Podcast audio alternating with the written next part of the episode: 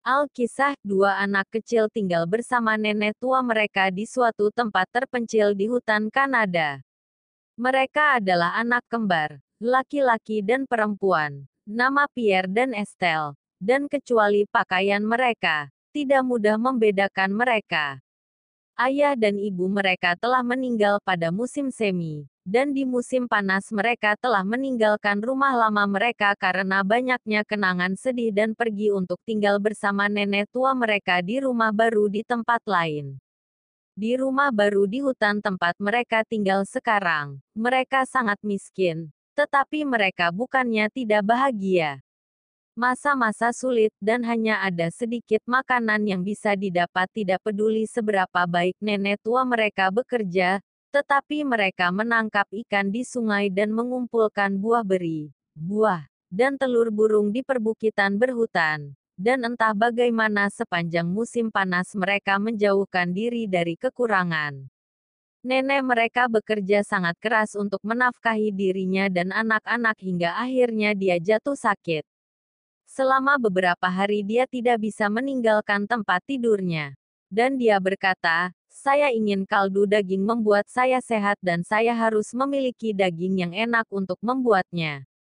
Jika saya tidak dapat daging saya tidak dapat memiliki kaldu. Dan jika saya tidak mendapatkan kaldu saya tidak akan sembuh. Dan jika saya tidak sembuh saya akan mati. Dan jika saya mati kalian berdua pasti akan kelaparan dan mati juga. Jadi daging dan daging saja bisa menyelamatkan kita semua dari kelaparan dan kematian.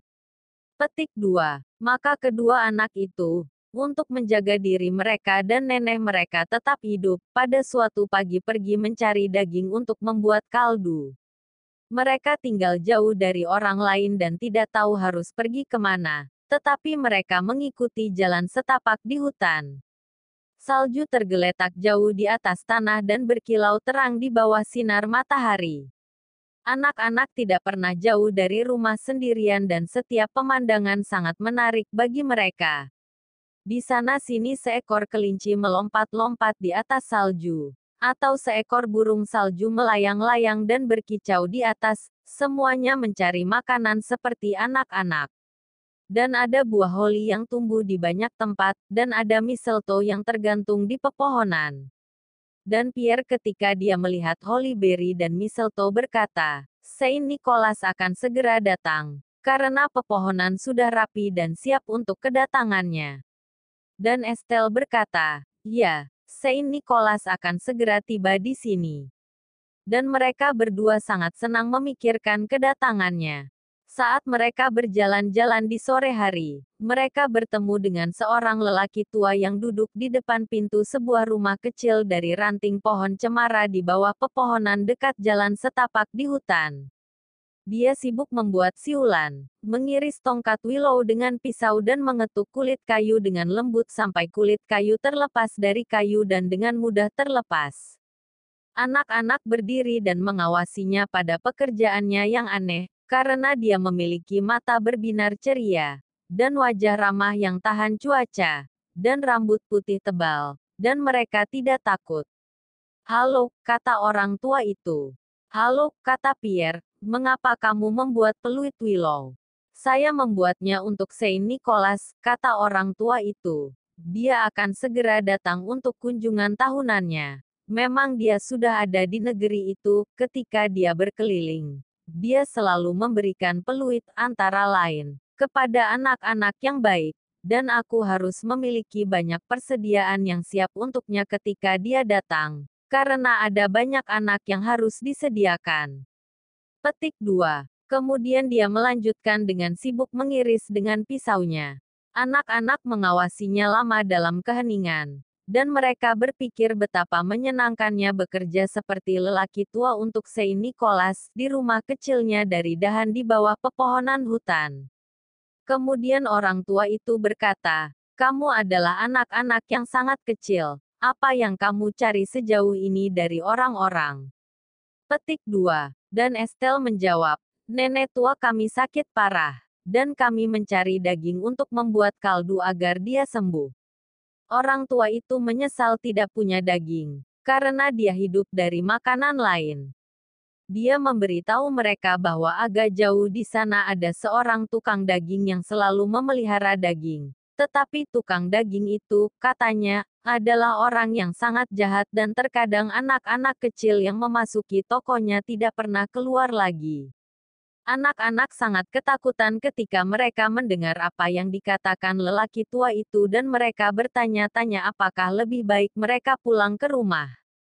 Tetapi orang tua itu berpikir lama dalam keheningan saat dia memangkas tongkat willownya. Dan kemudian dia berkata, saya akan memberi Anda masing-masing peluit, dan ketika Anda meniupnya, Santo Nicholas akan selalu mendengarnya. Anda tidak boleh meledakkannya kecuali ketika Anda berada dalam kesulitan atau kesusahan besar. Dan ketika Santo Nicholas mendengarnya dia akan tahu bahwa Anda akan berduka atau bahwa bahaya sudah menimpa Anda dan dia akan datang sendiri atau mengirim seseorang untuk membantu Anda. Tetapi Anda harus meledakkan hanya satu ledakan. Peluit harus diberikan hanya oleh Santo Nicholas sendiri ketika ia datang pada waktu suci ke negeri itu. Tetapi Anda adalah anak-anak yang baik dan nenek tua Anda sakit, dan Anda berusaha untuk menyembuhkannya. Dan saya tahu bahwa Santo Nicholas tidak akan mengatakan bahwa saya telah melakukan kesalahan. Jadi dia memberi anak-anak masing-masing peluit dan kemudian ketakutan meninggalkan mereka. Hari sudah mulai sore dan anak-anak berangkat untuk mencari tukang daging yang jahat itu. Tetapi mereka memiliki banyak keraguan. Dan seiring berjalannya waktu mereka menjadi lemah hati. Karena mereka bertanya-tanya apakah lelaki tua itu telah memberitahu mereka yang sebenarnya tentang siulan atau apakah dia sebenarnya adalah agen rahasia dari tukang daging jahat yang mencoba membujuk mereka untuk pergi kematian mereka. Mereka memutuskan untuk mencari daging di tempat lain dan menjauh dari toko daging. Untuk waktu yang lama mereka mencari, tetapi tidak berhasil. Tidak ada daging yang bisa didapat di semua negeri di tempat mana pun yang mereka singgahi untuk bertanya. Segera mereka bisa melihat toko tukang daging. Mereka sangat ketakutan. Tetapi matahari telah terbenam di balik pepohonan. Dan malam telah tiba. Dan mereka masih belum memiliki daging dan mereka tahu bahwa jika nenek tua mereka ingin sembuh, dia harus memiliki daging untuk membuat kaldu. Toko itu juga tampak sangat menyenangkan dan menarik di malam musim dingin yang dingin. Cahaya hangat bersinar dari api melalui pintu, dan di jendela ada sosis dan burung gemuk, dan labu kuning besar dan kue dengan beri merah di atasnya. Anak-anak lapar dan ingin makan di dekat perapian toko yang hangat. Mereka memutuskan untuk masuk ke toko meskipun ketakutan mereka untuk membeli makanan. Tetapi sebelum mereka memasuki toko, mereka pikir akan baik-baik saja, agar aman. Meniup peluit mereka seperti yang dikatakan lelaki tua itu kepada mereka sehingga Santo Nicholas akan tahu bahwa mereka takut disakiti. Beberapa saat mereka berdiri di bawah bayang-bayang pepohonan besar di depan pintu dan bersiap untuk meledak bersama. Pierre memberi sinyal dan melontarkan ledakan lembut yang panjang. Tetapi Estelle tidak bisa mengeluarkan peluit dari sakunya dan Pierre telah menyelesaikan ledakannya, kehabisan napas, sebelum dia siap untuk meniup. Jangan meledak sekarang, katanya. Kamu seperti perempuan, selalu terlambat tapi dia akan meledak, seperti yang dikatakan lelaki tua itu. Dan sebelum Pierre bisa menghentikannya, dia meledakkan ledakan lembut yang panjang peluitnya. Pierre sangat marah, karena dia berpikir bahwa sekarang tidak ada gunanya. Seperti dua ledakan telah terdengar, tetapi dengan saudara perempuannya dia memasuki toko daging. Tukang daging jahat ada di tokonya tapi tidak ada orang lain di sekitar tempat itu. Semuanya sangat sunyi. Pria itu sangat senang melihat anak-anak itu dan dia mendudukkan mereka di dekat perapian yang hangat dan memberi mereka makanan. Dan meskipun dia menutup pintu rapat-rapat di belakang mereka, ketakutan mereka segera lenyap.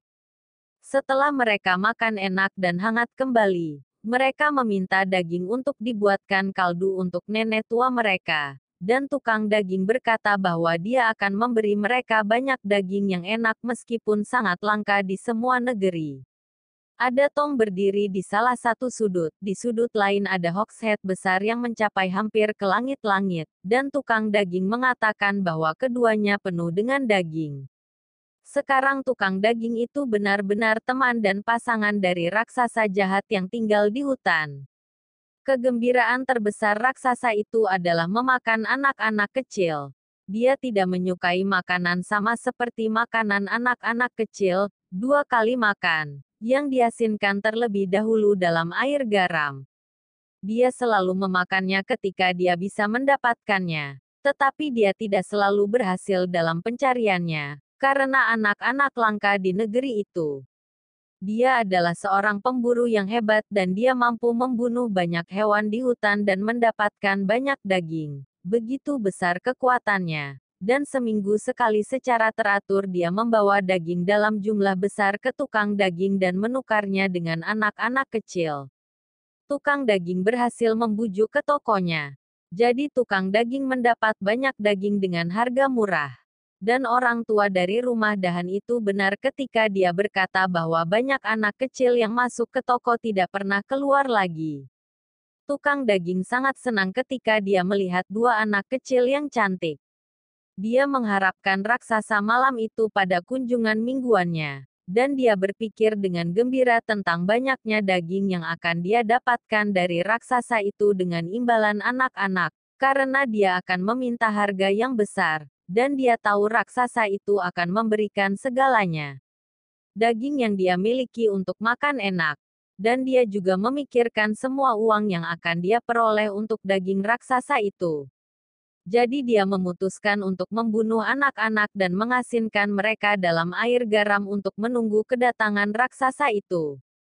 Setelah anak-anak selesai makan dan menghangatkan diri di dekat api, mereka bersiap untuk pulang dan meminta daging.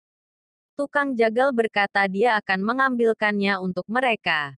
Mereka melihat kerak, syarat dengan lebih banyak makanan daripada yang pernah mereka lihat sebelumnya ham, kubis, dan untayan bawang.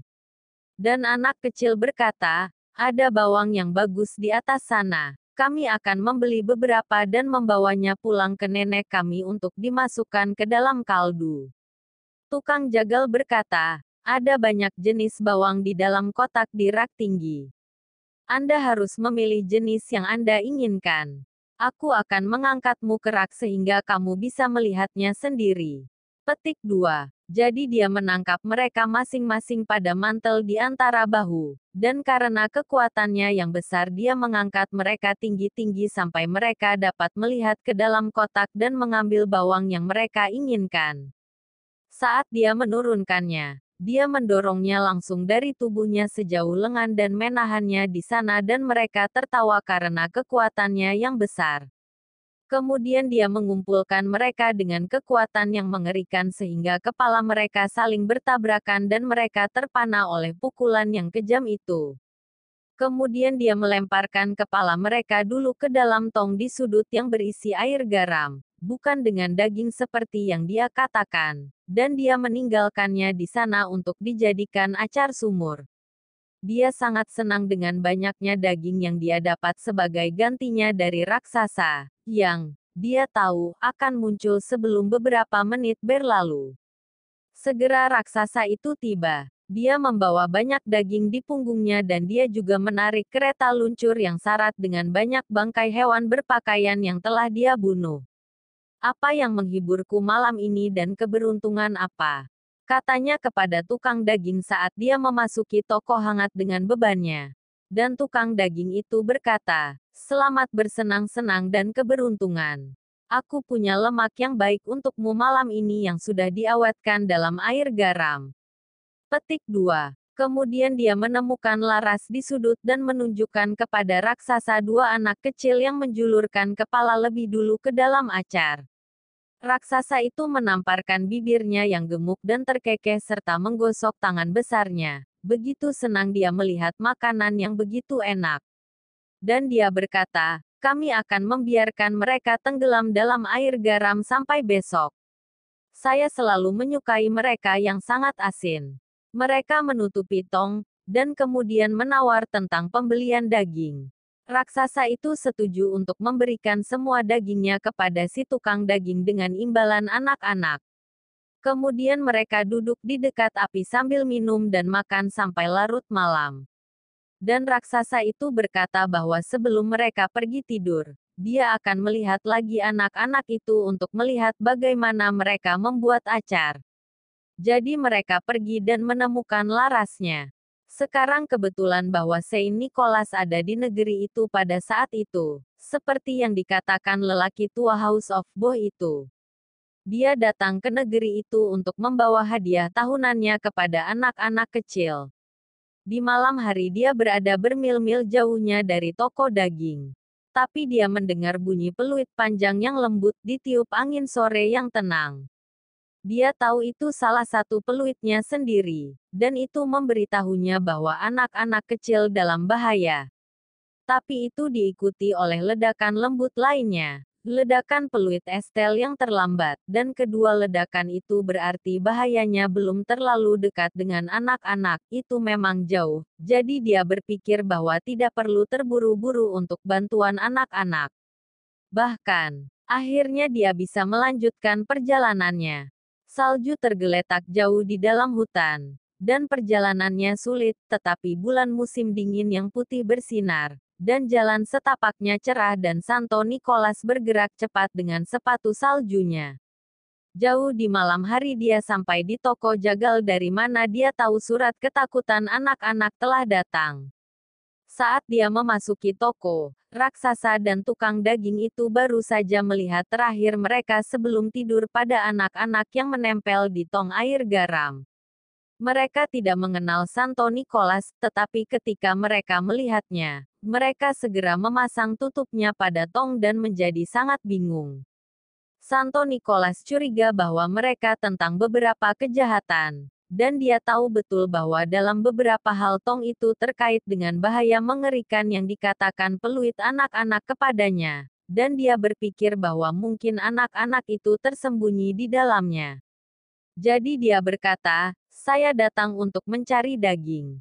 Saya ingin daging yang telah diasamkan dalam air garam. Saya ingin sepotong dari tong itu. Tapi tukang daging berkata, ini bukan daging yang baik. Aku punya daging yang lebih enak di ruang dalam, dan aku akan mengambilkannya untukmu. Jadi tukang daging dan Santo Nicholas memasuki ruang dalam dan menutup pintu di belakang mereka sementara raksasa itu duduk di tong di sudut, mencoba menyembunyikannya dengan kakinya yang besar dan gemuk.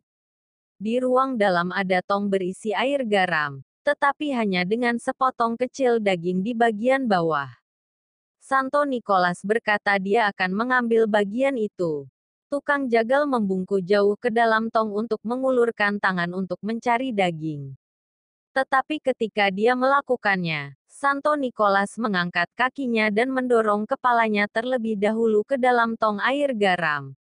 Dia tergagap dan menendang, tapi dia terjebak dengan cepat di laras dan tidak bisa keluar.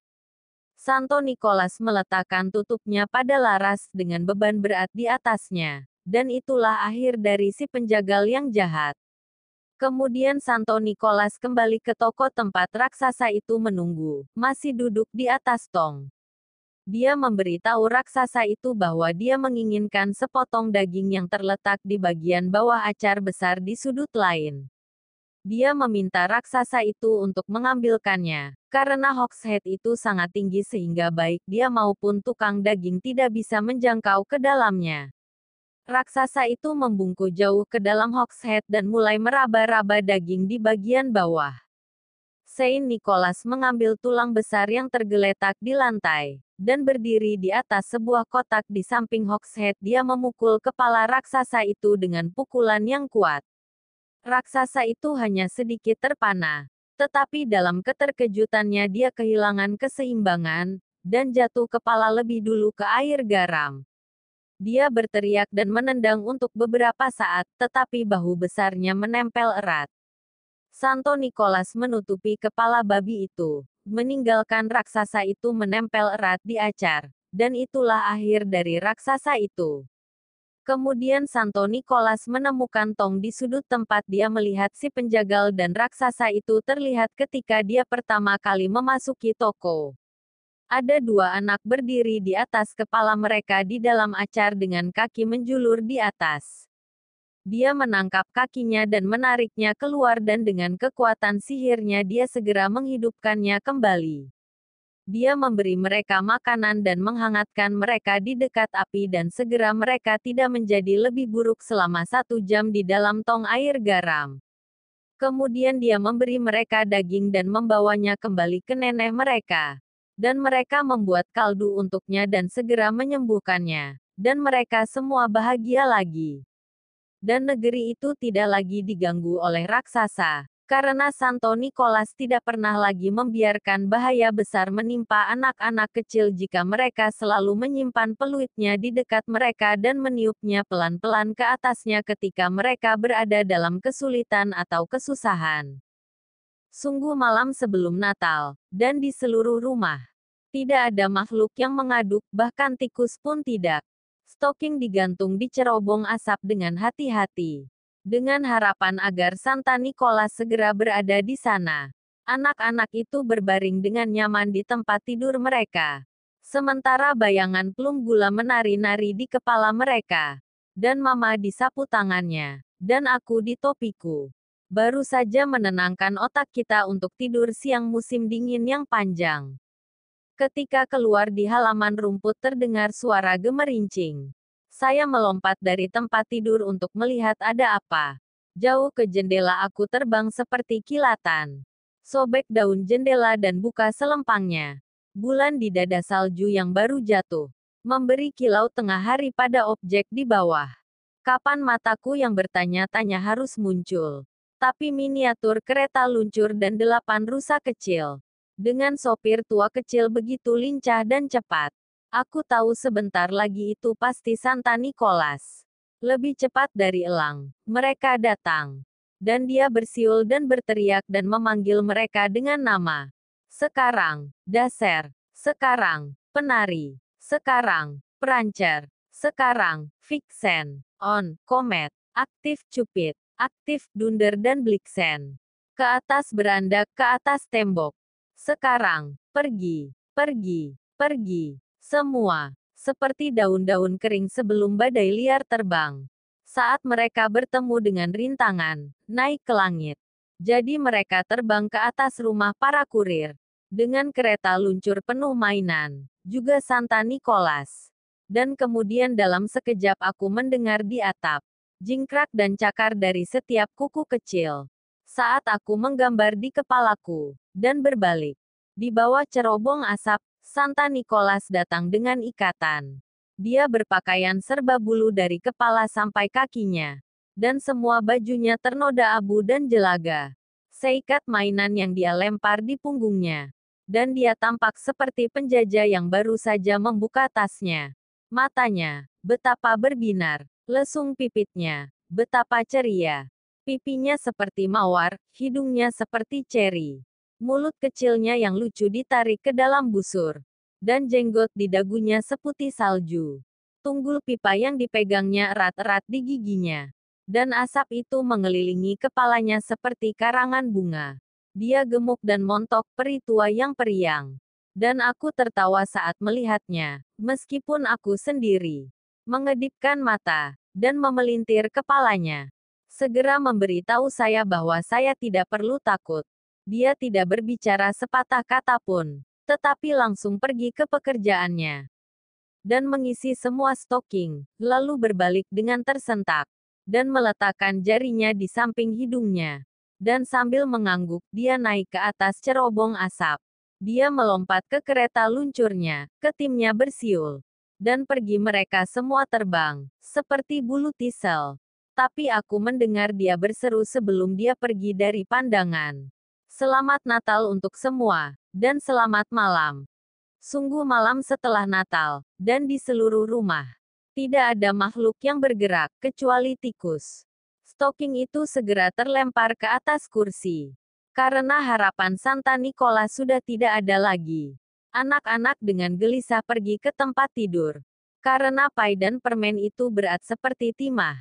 Sementara mama dengan sapu tangannya, dan aku dengan gaunku. Baru saja memutuskan bahwa kami tidak akan berbaring. Ketika keluar di halaman rumput terdengar suara gemerincing. Aku melompat dari kursiku untuk melihat ada apa. Jauh ke jendela aku pergi dengan cepat. Buka penutupnya. Dan buka selempangnya. Bulan di dada salju yang baru jatuh memberi kilau siang hari pada benda-benda di bawah ini. Kapan mata cemas panjang saya harus muncul? Tapi kuda dan kereta luncur, kuno dan aneh. Dengan pengemudi tua kecil, sangat serius dan lambat. Sekilas aku tahu itu pasti Dokter Brav. Aku menarik kepalaku, dan berbalik. Ketika di lantai atas datang dokter, dengan hampir tidak bersuara.